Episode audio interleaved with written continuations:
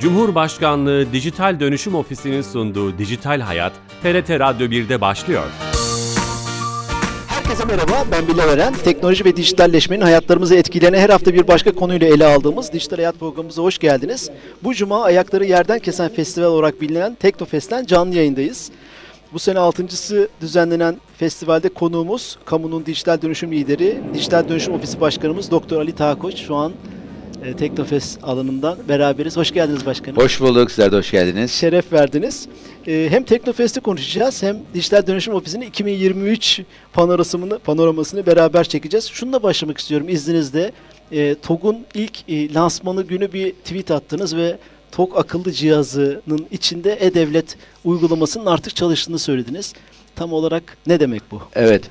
Öncelikle ben de teşekkür ederim. Bugün çok heyecanlıyız. Teknofest'e başlattık. Dün itibariyle başladı. Bugün de ikinci günümüz. Yarışmalarımız devam ediyor. Çok e, birçok İstanbul vatandaşımız da burada e, bütün teknolojiyi görüyor, uçaklara dokunuyor. Tabii siz e, konuyu TOG'la başladınız. Biz de TOG bizim çok heyecanlandıran başka bir projemiz. Türkiye'nin ilk yerli ve milli tasarımdan itibaren elektrikli arabası.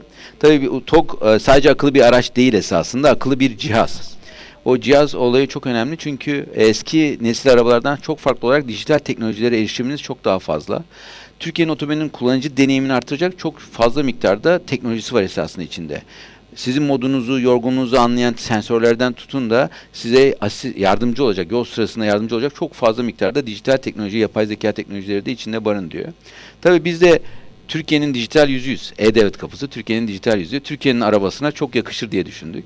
Ve 63 milyona ulaşmış kullanıcı ağımızın kolayca cep telefonlarından, bilgisayarlarından girdiği gibi arabalarından da E-Devlet'e girmelerini sağladık. Nasıl olacak bu? Tam? Yani, tamamen yani onu bir yeni bir platform olarak düşünün. Nasıl biz uygulamamızı hem cep telefonları için ayrı yazıyorsak, e, bilgisayarlar için ayrı yazıyorsak onun için özel bir yazılım geliştirdik. Ve onu TOG'un altyapısına entegre ettik. Hı hı. Yani TOG'la beraber çok yoğun bir çalışma içine girdik. Çünkü ekranları çok farklı, içindeki işletim sistemi çok farklı. Hı hı. Ve böyle bir ekrana sıfırdan yeni bir e-devlet yazılımı Yazılım yazdık diye, diye düşünebilirsiniz. Çünkü arayüzleri çok farklı olduğu için yani ekran rezervasyon, resolution dediğimiz yani çözünürlüğü çok farklı. Hmm. Ondan dolayı yeniden yapmamız gerekti ama çok güzel oldu. Ee, özellikle mesela Araba kullanırken anında eczanenin nerede olduğunu bulmanız gerekiyorsa hemen bir tuşa basıyorsunuz eczaneni haritayla da entegre, entegre ettik arabanın. Müthiş. Böylece en yakınınızdaki eczaneye hemen size götürebiliyor. Yani çoğu vatandaşımız çok güzel kullanıyor arabalar ama hız yaptığınız zaman ceza yediğiniz zaman direkt E-Devlet'ten bildirim gelecek. Aman Onu ceza... direkt arabanın içindeki ekrandan görüyoruz. Evet arabanın bildirimleri de açtık böylece. Ee, bu, bu bağlamda şunu düşünmek istiyoruz. Biz E-Devlet olarak her platformda olmak zorundayız. Cep telefonlarında varız. Cep telefonlarında birçok işletim sistemi var. Android, iOS, Huawei'in biz bütün platformlarda vatandaşımızın elinde olan dijital platformun hepsinde e-devlet uygulaması olması gerekiyor. Şimdi inşallah gelecekte şu anda TOG'da sürekli üretim miktarlarını arttırıyor. Herkesin inşallah altında bir TOG arabamız olacak. O da bizim için bir platform. Yani dijital bir platform vakit geçirdiğiniz, işlerinizi yapabildiğiniz, internete girdiğiniz. Ondan dolayı e-devlet uygulamasını onun içine entegre etmiş olduk. Peki aracın içinde aracı satın alan kişi otomatik olarak yani varsayılan olarak e-devlet uygulaması ulaşabilecek mi yoksa evet. yüklemesi mi gerekecek? Şimdi şöyle bir şey yaptık orada da. Orada bir e, uygulama e, marketi, marketi var e, arabanın içinde de. Biz kamuya verilecek arabaların hepsine e, doğal olarak yüklüyoruz. Tamam. Ama vatandaşlarımız çok kolay bir şekilde o uygulamayı da çok büyük bir uygulama değil. E, arabalarına yükleyebilirler. Yani temel güzelce çalışıyor ama onu isteğe bağlı bıraktık. Yani bazı vatandaşlarımız istemeyebilirler diye ama birçok vatandaşımızın yükleyeceğine eminim. Çünkü çok büyük bir kolaylık. Yani E-Devlet'e e, anında girmek. Çünkü o anda elinizde bilgisayar olmayabilir, cep telefonunuz olmayabilir ama düşünseniz arabanız var.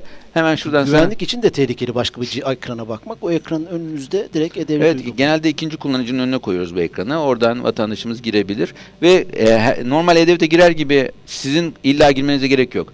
Başka yolcunuzun da e-devlet şifresi ve kullanıcı adı varsa o da girebilir. Aa o da çok önemli. Yani sadece sahibi değil, onu bir platform düşün. Çünkü bir bilgisayara birçok kişi kullanıyorsa Doğru. arabayı da birçok kişi kullanabiliyor diye kullanıcı adı ve şifresi olan herkes e, TOG'a bindikten sonra internet bağlantısı varsa e-devleti rahatça kullanabilir. Araç içindeki herkes onu kullanabilecek. Aynen. Tüm özellikler çalışacak mı? Evet, bütün uygulamaları, mobil uygulamalarda çalışan bütün özellikler, bütün hizmetler çalışacak. Müthiş. Ve inşallah şu anda yeni güzel özellikler getiriyoruz. Bazı e, şu ana kadar biz hiçbir zaman sesli komutla E-Devlet'i çalıştırmayı ve yapmamıştık. Şimdi araba kullanırken belki sesli komutla da şifrenizi girerek yani konuşarak arabayla e, onun da e, e, SDK dediğimiz o yazılımını aldık. İnşallah sesli komut yapıyorsunuz. Evet şu anda da sesli komutla da E-Devlet'i çalıştırdığınızda hem araba kullanacaksınız hem de ara- sesli komutla ileri işte SGK dökümümü al diyerek Müthiş. arabadan size SGK dökümünü e-mail yaptıracağız. Bu canlıya geçince duyurmak isteriz Tabii, programımızda. inşallah.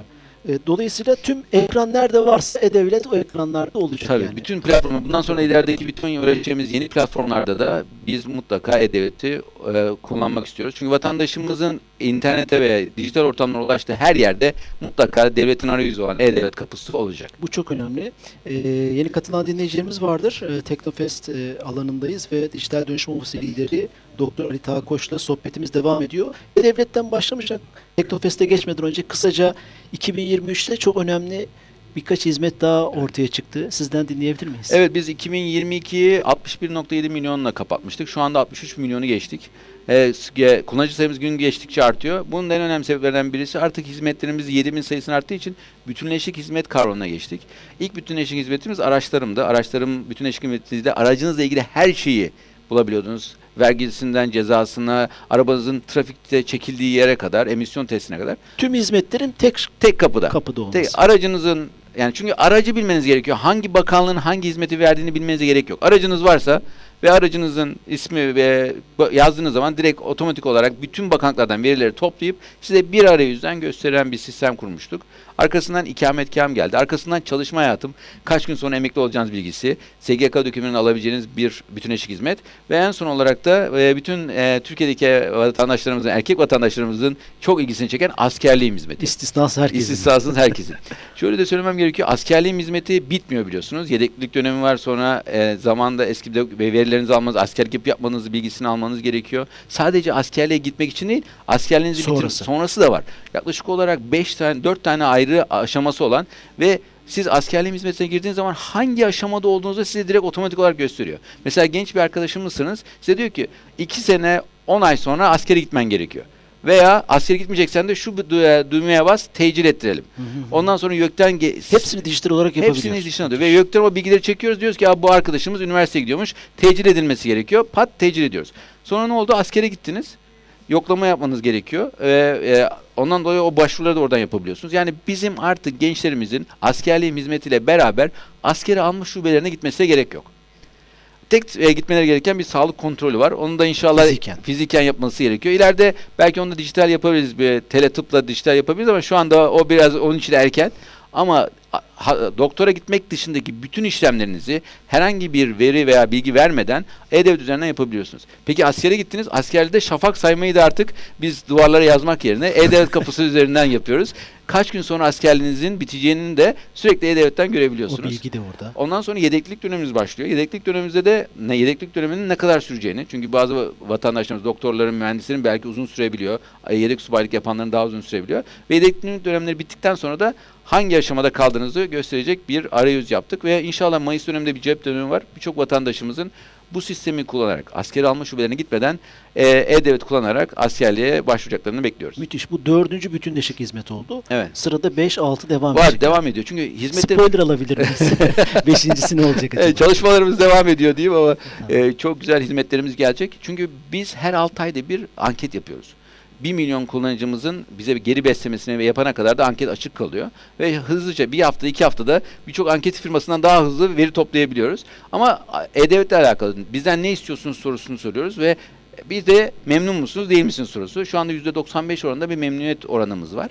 Ama şunu da söylemem gerekiyor. Bu anketlerden gelen sonuçlara göre biz hizmetleri tasarlıyoruz. Yani biz artık insan odaklı ve kullanıcı odaklı bir e-devlet yapısına doğru gidiyoruz. Önce kurumların vereceğinden daha çok vatandaşımızın ne istediğine göre e, stratejimizi belirliyoruz. Ve böyle de inşallah daha birçok bütünleşik hizmetimiz gelecek. Bir de şunu görüyorum ben. O kadar dinamik ki süreç. Artık siz kamunun tüm hizmetlerini dijitalleşmeyi bırakın. Örneğin ülkede gündeme dair bir şey olduğu zaman işte EYT, Tabii. örneğin, örneğin işte al- 6 Mart'taki e, Kahramanmaraş, 6 Şubat'taki, 6 Şubat'taki. Kahramanmaraş depreminden sonraki dijital işler, işte Şimdi- orada hasarlı evlerin görülmesi. Hemen onu entegre edebilecek bir ekip Artık çok hızlandık. Çünkü bir kere dijitalleştiğiniz zaman o güzelliği, o e, faydayı gördüğünüz zaman daha hızlı sistemlere entegre edebiliyorsunuz. 6 Şubat'tan sonra AFAD'ın vermiş olduğu hane başı destek parasının 10.000 TL'nin SMS'lerin atılmasından başvurulara kadar 15.000 TL taşınma desteğine kadar ondan sonra şimdi e, hasarlı evlerin başvurularına kadar konteyneri seçip seçmemeye kadar hepsini E-Devlet'ten yapabiliyorsunuz. Ve bunun üzerine biz proaktif olduk. Vatandaşlarımız E-Devlet'ten sorguyu çekmesin dedik. Eğer siz onu hak etmişsiniz biz o hak eden vatandaşlarımıza SMS attık. Lütfen gelin sizin 10.000 TL'niz, 15.000 TL'niz bankaya yattı. Lütfen gelin o paralarınızı çekin dedik. Ve böylece vatandaşımıza bunu da o gün yaptık. Aynı zamanda 6 Şubat olur olmaz bir hemen 6 Şubat günü E-Devlet üzerinden yardım kampanyası başlattık. Evet. Ve insanlarımız o kredi kartıyla direkt iki tane tuşa basarak, iki tuşa basarak ve kredi kartı bilgisine gerek yardımlarını yapabildiler. Çünkü bizim en güzel özelliğimiz çok hızlı tepki verebiliyoruz. Proaktif dediniz ya o Evet. çok kıymetli bir Şöyle bir durum var mesela EYT. Biz vatandaşlarımıza dedik ki bir ay boyunca EYT'yi yapabilirsiniz. Ama vatandaşlarımız 2-3 gün biraz hızlı davrandıkları için 2-3 gün başvurdular. Çünkü Mart ayında hangi gün başvurursa da başvursalar Nisan 1'den itibaren başladı ama ve heyecandan dolayı vatandaşlarımızın hızlı bir şekilde emekli olmak istediğinden dolayı hemen 2-2-3 gün biraz yoğunluk yaşadık. Ama ondan sonra düzene girdi. Toplam 1,5 milyon vatandaşımızı E-Devlet üzerinden bir ay içinde yaklaşık normalde 2 hafta EYT içerisinde başvurularını aldınız. aldık. Yani şimdi düşünsenize bir buçuk milyon vatandaşımızın Müthiş. sosyal güvenlik kurumlarına gitmesi ve o işlemlerin yapması kaç gün sürerdi, kaç ay Kuy- sürerdi, kaç yıl sürerdi. Tabii SGK'da şöyle bir tartışma vardı hatta. Memurlar ekstra çalışıyor hafta sonu. Onlar ne olacak? Dijital EDEV Türkiye Gov.tr onun yükünü almış alıyor. anda. Tabii kesinlikle alıyor ve aynı zamanda vatandaşlarımız da sürekli her aşamada eğer hata yapılırsa da SMS'le bilgilendirme yapıyoruz. Mesela şu e- be- be- şu bilgiyi yanlış girdiniz veya banka bilgisini yanlış girdiniz diye ve birçok vatandaşımız şu anda artık EYT emeklisi oldu ve şu anda e, iki gün önce de e, Türkiye'nin en önemli projelerinden birisi olan kentsel dönüşüm projesinin başvurularında yarısı de, devlet tarafından karşılanma projesi. Yarısı devlet tarafından. Yani eğer kentsel dönüşüm Çok yeni açıklandı daha. Yeni açıklandı 3-4 ve gün oldu. 6 saatte yazılıma entegre ettik ve sisteme Müthiş. soktuk. Yani çünkü bizim altyapımız hazır. Bu 63 milyon e, ve bizde en önemli şeylerden birisi birçok kurumumuzun yazılımını entegre ettiğimiz için tekrar kullanma gibi bir özelliğimiz var. Çünkü ne olduğunu mesela bir arayüz yaptığımız zaman o arayüzü başka yazılımlar içinde kullandığımız için hızlı bir şekilde sisteme yeni hizmet ekleyebiliyoruz. Bu tabii şöyle bir sorumluluk da getiriyor. Gelişme gündem olduğu zaman hemen dijital dönüşüm ofisinden veya işte E-Devlet Türkiye Gov.tr'den bunu bekleyecekler. Evet. Neden canlıya alınmadı? Niye buna başvuramıyoruz? Büyük de bir sorumluluk. Ellerinize, emeklerinize sağlık. Bu kısmı geçip Teknofest'i sormak istiyorum. Buradayız. İlk izlenimleriniz mesela Atatürk Havalimanı 6.sı düzenleniyor. Benim şahsi görüşüm Atatürk Havalimanı Teknofest için 10 numara Çok güzel. bir yer. Hani başka illeri de gördük. Buralar da güzeldi ama burası alan itibariyle, ulaşım itibariyle. İlk izlenimleriniz nasıl? Çok güzel. İlk gün biraz yağmurluydu Yağmur ama ona rağmen çok fazla miktarda vatandaşımız ve genç arkadaşımız geldi. Bugün Teknoloji- korkunç kalabalık. Çok güzel. Cuma'nın bereketi diyelim. Çok güzel bir e, bereketli ve çok fazla insanımız burada ziyarete gelmişler. Çünkü teknolojiyi görmek istiyorlar. Türkiye'nin geliş gelişmişliğini görmek istiyorlar. Şunu da söylemek istiyorum. İlk teknoloji Teknofest açıldığı zaman bir uçağa dokunsundu. Artık 1 milyona ulaşan yarışmacımızla uçağa dokunmanın bir üst seviyesine geçtik. Artık uçakları üreten, yapan bir nesil ve gençlik geliyor. Teknofest kuşağımız artık yapmayı öğrendi. İlk başta merak ediyordu. Artık ben de yapabilirim. Yarışmalara katılarak değil mi başkan? Ben de yapabilirim özgüveni oluştu. Ve bu gelecek inşallah e, seneye ondan sonraki senelerde hep devam edecek ve artık üreten bir gençliğe doğru gidiyoruz ve gördüğünüz zaman merak ilk başta öncelik bir merak ulaşması gerekiyor. Merak oluşması gerekiyor. O merak oluştu diyorum. Bundan sonra her gün her e, yarışmamızın kalitesi de artıyor. Biz e, Dijital Dönüşüm Ofisi olarak Teknofest'in açıldığı günden beri 2018'den beri siber güvenlik yarışmalarını yapıyoruz. Ve her sene değişik konu e, ve konsepte yarışmalar yapıyoruz ve her sene şunu fark ettik. Kalite her sene daha iyi gidiyor. Onu görüyorsunuz değil mi siz? Kesinlikle. Ve şunu da söyleyeyim. O arkadaşların hepsi çoğunu da birçok firmada işe aldık. Çünkü bizim için siber güvenlik uzmanlarını bulmak çok zor. Kendimiz yani mülakat yapmak yerine yarışmalarımıza katılan arkadaşlar bizim için çok güzel İnsan bir kaynağı oldu yani yarışma sizin için. Mesela geçen sene biz Zonguldak'ta Karadeniz olduğu için. Hekkaradeniz, Hekkaradeniz yarışması yaptık. Zonguldak'ı bir şey, sanal şehir haline getirdik. Ve bu sanal şehirde sağ olsunlar hem valiliğimiz hem emniyet müdürümüz hem jandarmamız bize çok destek oldu. Birçok yerde koşarak o sanal şehre saldıran iki tane hacker'ı bulmaya çalıştı arkadaşlar. Yani hacker'ları bulan hacker'lar yarışması yapmıştık. Biliyorsunuz o da bir mizansen- Hackerlardan biri sizdiniz. Evet, o mizansen yapmıştık. Bir e, deniz fenerinde benle Sayın Varank, Sayın Sanayi ve Teknoloji Bakanımızı yakaladılardı. Bu seneki konseptimiz çok daha farklı. Şimdi biz E, dünyada belki gene bunu bir ilk olarak yapıyoruz. Artık nesnelerin internet dediğimiz akıllı cihazlar her yerde var. Evinize girdiğiniz zaman televizyonunuz akıllı, fırınınız akıllı, buzdolabınız akıllı. Biliyorsunuz artık günümüzde böyle ortakta dolaşan bir süpürge var. Evet. Süpürge de akıllı. Ve bu akıllı cihazlar artık evimizin içinde ve mahremimizde ve birçok veri topluyorlar. Biz bu akıllı cihazları alırken genelde fiyat performansına bakıyoruz. Şık mı, güzel mi diye bakıyoruz. Ama acaba bu hangi verileri topluyor ve bu verileri nerede saklıyor? Veya bir kötü birisinin eline geçerse bu uzaktan erişim bize nasıl bir zarar verir konusuna bakmıyoruz. Çok enteresan. Kimse bunları bakmaz tabii ki. Evet. Biz de diyoruz ki vatandaşlarımıza artık nasıl cep telefonunuza veya bilgisayarınıza bakarak alırken onun güvenliğini bir dert ediniyorsanız, güvenli olmasına ça- çalışıyorsanız artık akıllı bir eviniz varsa yani bağlantılı ve uzaktan erişimi olan bir evinizdeki alet varsa onun da kesinlikle ve kesinlikle güvenlik boyutuna bakmanız lazım. Onun için de biz burada Körük 220'de bizim burada hep çadırlar var pistte ama biz Körük 220'de bir ev oluşturduk. Türkiye'nin en büyük beyaz eşya üreticilerinden birisi de paydaşımız oldu. Ve oluşturduğumuz evde televizyondan, süpürgeye, kahve makinesinden, buzdolabına, fırına birçok e, e, akıllı alet var ve e, 1071 tane yarışmacı 6 aydır yarışmalar ön aşamalar devam ediyor. 1071 tane bakın 1071 tane siber kahramanımız başvurdu. Ve biz bunların en iyilerini 20 tanesini ön elemeleri geçe geçe 20 tanesini buraya getirdik ve ilk defa bu evle karşılaştırdık. Dedik ki alın size bir ev. Ne yapıyorlar? Bu akıllı evi ele geçirmeye çalışıyorlar.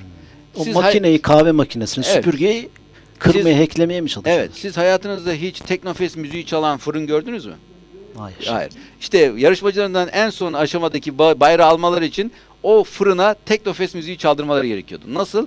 Uzaktan o fırına erişeceklerdi, o e, videoyu veya e, dosyayı yükleyeceklerdi ve fırın bir anda Müzik dosyası. müzik müzik çalmaya başlayacaktı. Düşünsenize. Yani siz evinizde oturuyorsunuz ve fırınınızda yemek pişirmek için gittiniz. Size müzik çalan bir fırın. Yani aynı şekilde buzdolabındaki kamerada biliyorsunuz buzdaki kameradan en önemli özelliği ne kadar süt kaldı, ne kadar yumurta kaldı bunu anlayabilmek. Ve böylece sizin adınıza Sipariş sipariş, vermek. Peki o yetki yabancı kötü birisinin eline geçerse bir bakıyorsunuz kapıyı açtınız sizin adınıza binlerce kilo süt e, sipariş, verilmiş, yumurtalar sipariş verilmiş. Ekonomik boyutu da var. Aynı zamanda şu anda şöyle bir sorunumuz var. Bu aletler çok akıllı. İçinde işlemci var ve bilgisayara bağlantısı var. internete bağlantısı var. Eğer zombileştirirlerse siz gece uyuyorsunuz. Dolabınız bir siber saldırı zombisi veya bot network'e girip bir yere saldırı da düzenleyebilir. Siz farkında Fark- olmadan evet. Buzdolabımızda aparat olur. bilgisayar olduğunu unutmamamız gerekiyor ve aynı zamanda en önemli şeylerden birisi bu özellikle akıllı cihazların içinde kamerası var ve mikrofonu var. Çünkü sesli komut verebiliyorsunuz. Git, gel, dur, yapma diye. Peki birisi eline geçirip ve bunu bir dinleme aleti veya sizin özel görüntülerinizi çeken bir alete çevirirse ve bunu kullanarak size ransomware dediğimiz fidye yazılımlarıyla şantaj yaparsa ne yapacaksınız?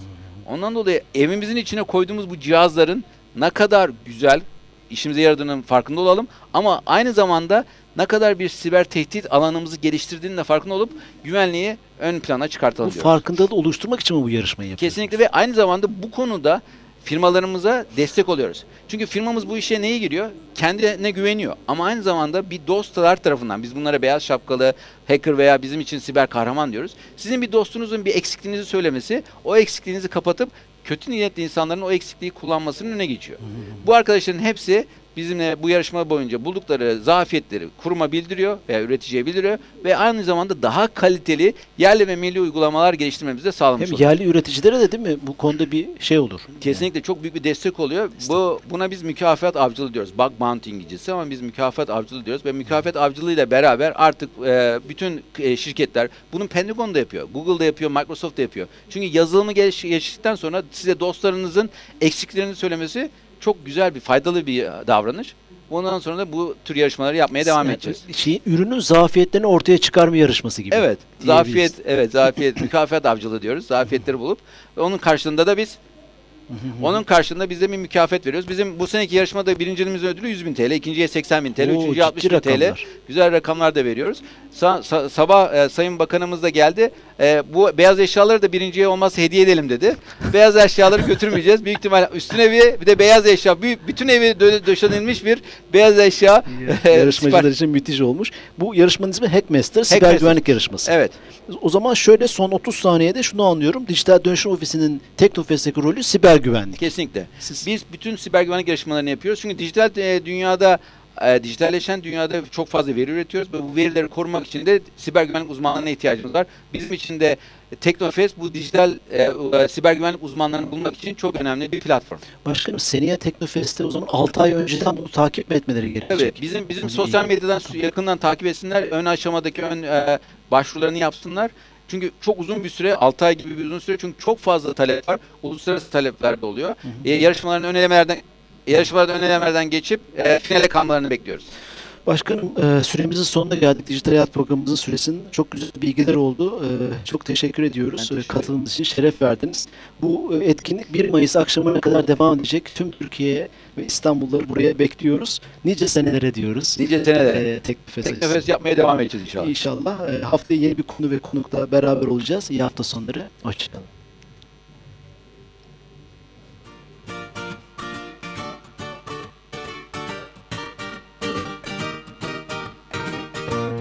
Cumhurbaşkanlığı Dijital Dönüşüm Ofisi'nin sunduğu Dijital Hayat, TRT Radyo 1'de sona erdi.